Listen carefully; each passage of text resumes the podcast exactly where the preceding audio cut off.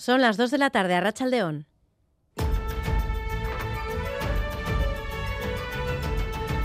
Crónica de Euskadi con Irache Martínez. En Cataluña, tras la ruptura del gobierno, la mirada está puesta ahora en Esquerra Republicana. Aragonés ya adelantaba que no iba a convocar elecciones y han vuelto a insistir hoy también. Pero Aragonés quiere tener listo el nuevo gobierno para este lunes tras la salida de los consejeros de Junts del gobierno. Esquerra ha dicho que no van a llegar a un acuerdo con el PSC porque es muy complicado llegar a acuerdos que no comparten con alguien que no comparte su modelo de país. Uriol Junqueras. És evident que nosaltres fem una crida a la responsabilitat de tothom. I és evident que aquesta crida l'adrecem especialment a aquells amb qui compartim els grans objectius de país. I, per tant, eh, l'adrecem també a aquells que comparteixen amb nosaltres la voluntat de posar fi a la repressió,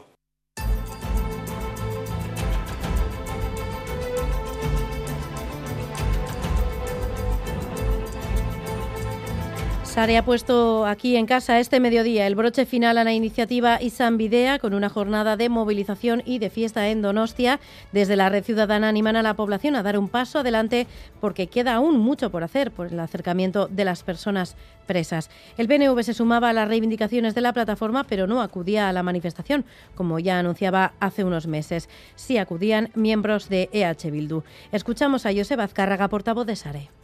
Sin duda, todavía nos queda un largo camino por recorrer, eh, quedan muchas etapas que cubrir, pero eh, la sociedad vasca, también los partidos políticos, también los sindicatos, deben de tener muy presente que ahora nos toca dar un paso que es fundamental, que es intentar que los presos y presas vascos puedan iniciar el camino de regreso a casa. Y mientras tanto, en el Parlamento, en las ondas de Radio Euskadi, hemos hablado del caso Zaldívar. PNV y PSE han defendido que el informe de la Comisión Europea, dado a conocer por la consejera Arancha Tapia esta semana, avala la actuación del Gobierno vasco en la gestión del derrumbe del vertedero y creen que es contundente. La oposición, por su parte, advierte que no es un asunto cerrado y que el informe europeo se ha elaborado con documentos enviados por el propio gobierno vasco. Y la imagen del día nos lleva a Crimea, porque el ejército ucraniano ha volado esta infraestructura, el puente de Crimea, construido por Rusia cuando se anexionó en 2014. Enseguida hablaremos de ello con nuestro enviado especial a Ucrania, Mikel estarán desde Zaporilla. Y vamos con dos sucesos en esta portada. El primero ocurrido en Irún, un hombre ha sido hallado muerto en un aparcamiento de camiones, presuntamente tras haber sufrido un atropello. Susana Armentia. Poco antes de las cuatro y media de esta madrugada, un particular alertaba a Sosdeia de la presencia de un hombre herido de extrema gravedad en un parking para camiones en el barrio Beovia de Irún. Al parecer había sido atropellado. Efectivos de emergencia se desplazaban hasta el lugar del suceso, pero no conseguían reanimar a la víctima, confirmando finalmente su defunción. El cadáver del varón, de nacionalidad francesa, ha sido trasladado al Servicio de Patología Forense de Donostia. La Archancha ha iniciado una investigación para determinar las circunstancias del siniestro y poder identificar al vehículo supuestamente implicado. Además, Susana, ha habido una persecución policial después de que un conductor se saltara un control de alcoholemia.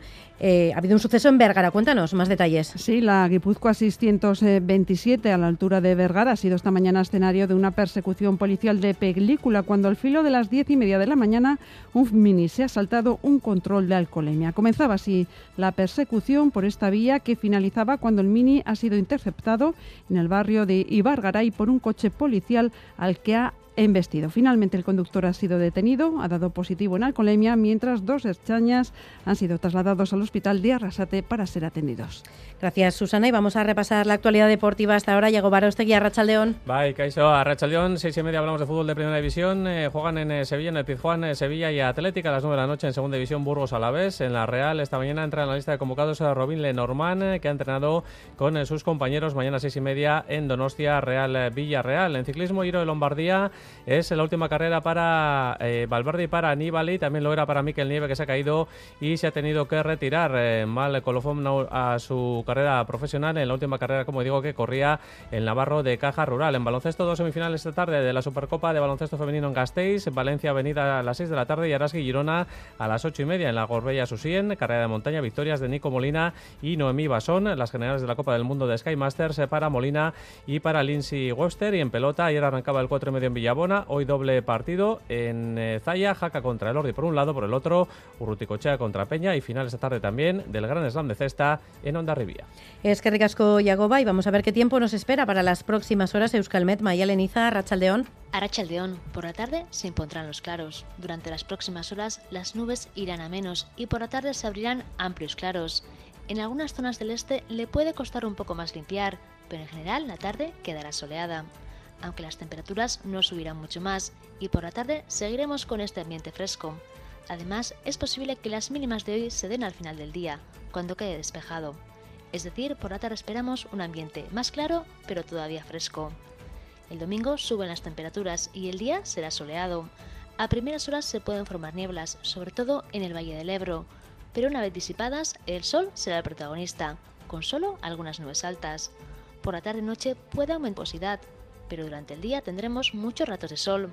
Además, por la mañana, el viento del sur irá ganando fuerza y ayudará a que suban las temperaturas, especialmente en la vertiente cantábrica, y las máximas rondarán los 25-28 grados de modo que mañana el ambiente será más cálido y primaveral. En carreteras, precaución en dos puntos. Atención en la Nacional 637 en Lezama, sentido Erleche, por un camión averiado.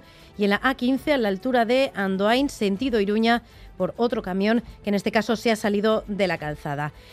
A esta hora saludamos ya a quienes están en el control técnico. Joseba Urruela, Jesús Malo y Maitane Bujedo. Son las 2 y 6 minutos. Comenzamos.